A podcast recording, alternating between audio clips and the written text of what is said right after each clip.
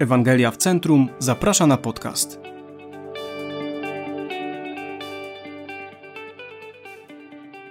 Rola modlitwy w uczniowskich relacjach kobiet. Carrie Russell. Pomodlę się za ciebie.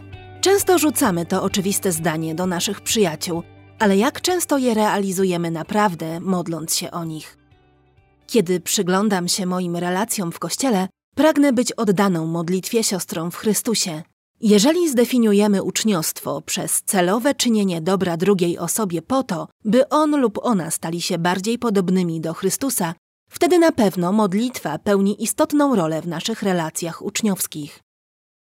Prowadząc kobiety w uczniostwie i mając na nie wpływ, okażemy mądrość, jeśli zastanowimy się nad tym, w jaki sposób możemy włączyć modlitwę w nasze codzienne interakcje. Zobowiązanie modlitewne w Twoich relacjach uczniowskich.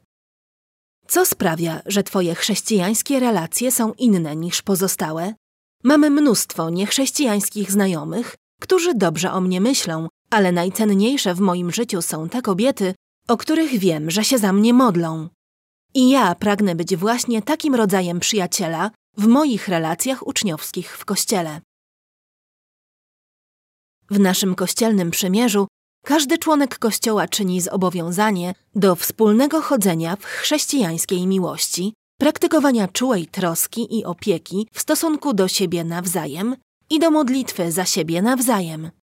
To oznacza, że modlitwa o siebie nawzajem jest naszą powinnością wobec Boga, szczególnie za tych, których prowadzimy w uczniostwie. Chrześcijańska przyjaźń nie jest tylko spędzeniem czasu wspólnie z innymi chrześcijanami, a uczniostwo to nie tylko mówienie i słuchanie.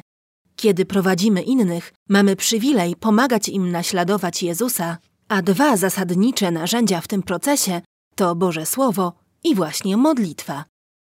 Bez tej skutecznej pary jestem niczym więcej niż słuchającym uchem i jakikolwiek duchowy wpływ, który mogę wywierać, będzie minimalny.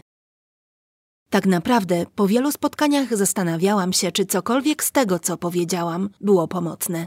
Jednak nigdy nie podważałam tego, gdy nasze spotkanie zawierało modlitwę lub studiowanie pisma. Moje słowa i rady mogą być niewystarczające, ale kiedy przybliżamy się do Bożego tronu, by modlić się o siebie nawzajem, to zawsze jest sukces. Módl się Biblią. Modlitwa Bożym Słowem jest potężnym narzędziem w naszej walce o świętość. Kiedy nasze serca są skłonne zabłądzić i jesteśmy kuszone, by pójść za naszymi emocjami, posiadanie wierzącej przyjaciółki, która będzie gotowa modlić się z Tobą słowami z pisma, to prawdziwy skarb. Wiele razy nie wiedziałam, jak dokładnie mam się za kogoś modlić, ale dzięki Bogu pismo jest wystarczające. Czasami najlepszym sposobem na rozpoczęcie modlitwy jest zawołanie do Boga: Nie wiemy, co czynić, ale oczy nasze zwracają się ku Tobie. Druga Księga Kronik 2012. Wskazówki warte zapamiętania. Poniżej znajduje się kilka przydatnych uwag, o których warto pamiętać, kiedy modlimy się za nasze siostry w Chrystusie. Módlcie się, przypominając sobie Boże atrybuty. Często przypominajcie sobie nawzajem, kim jest Bóg. Chwalcie Go za to, że jest suwerenny, niezmienny, święty, wszechwiedzący i tym podobne. Módl się obietnicami z Ewangelii. Pamiętaj o Bożym drogocennym darze zbawienia w Chrystusie. Mamy niezniszczalny skarb w niebie, przeznaczony dla nas, a Bóg nigdy więcej nie wspomni naszych występków. On już dał nam wszystko, czego potrzebujemy do życia i pobożności. Kiedy się modlisz, pamiętaj, do czego Bóg nas powołał w Chrystusie. Mamy skłonność do zapominania, że jesteśmy wybranymi i odkupionymi dziećmi Boga, którym przebaczono wszelki grzech. Módl się za drugą osobę używając konkretnych fragmentów. Otwórz Biblię i pozwól, by żywe i działające słowo przemówiło. Listy są świetnym odniesieniem podczas modlitwy o siebie nawzajem.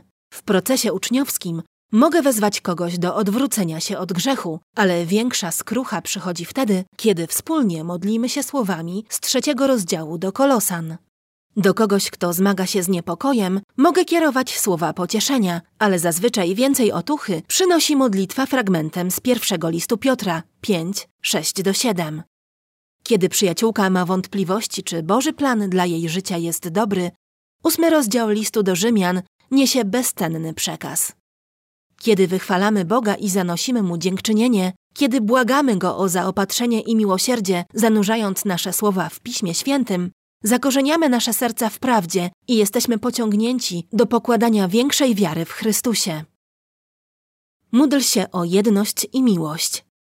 Nie jest czymś zaskakującym, że wzrastamy w chrześcijańskiej miłości do tych, za których się modlimy.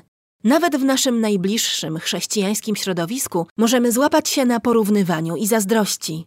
Łatwo jest wejść do kościoła, spojrzeć na inne kobiety i uwierzyć w kłamstwa, które sobie wmawiamy. Ich życie musi być wolne od zmagań, ich małżeństwa i rodziny muszą być doskonałe, one na pewno nie mogą mnie zrozumieć. Kiedy jednak prowadzimy innych w uczniostwie i same jesteśmy nauczane przez innych, przypominamy sobie, że nie tylko my zmagamy się ze strachem i lękiem, jesteśmy niecierpliwe wobec dzieci czy wątpimy w dobroć naszego Boga.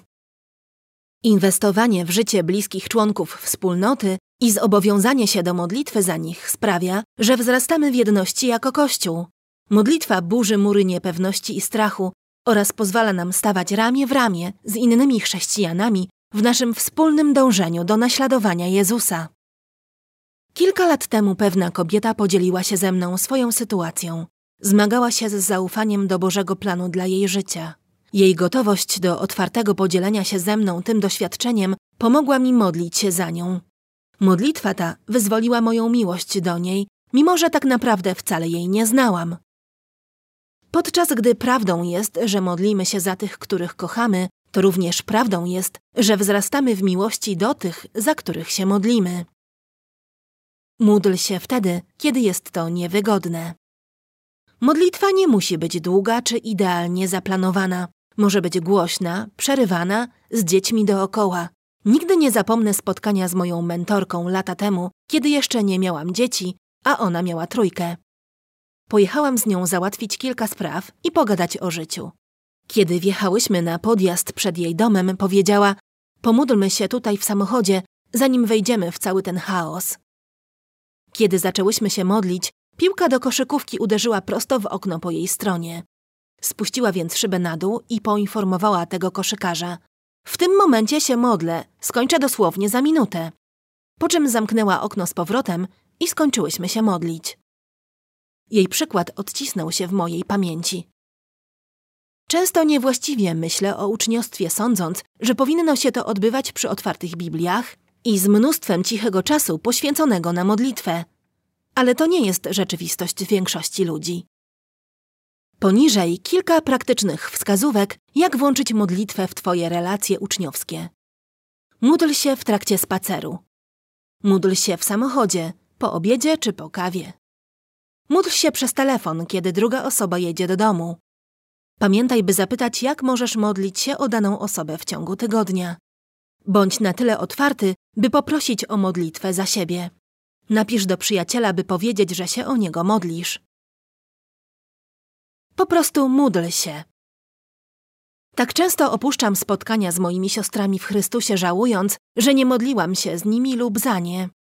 Modlitwa nie zawsze jest łatwa i nie zawsze jest wygodna lub praktyczna, jednakże zawsze jest dobra i zawsze przyniesie nam błogosławieństwo. Kiedy spotykamy się razem jako kobiety, dzieląc się przeżyciami z naszych małżeństw, wychowania dzieci czy naszymi duchowymi zmaganiami, podejmijmy zobowiązanie do modlitwy o siebie nawzajem. Kończąc nasze spotkania, upewnijmy się, że świadomie uczyniłyśmy coś dla naszego wzajemnego duchowego dobra.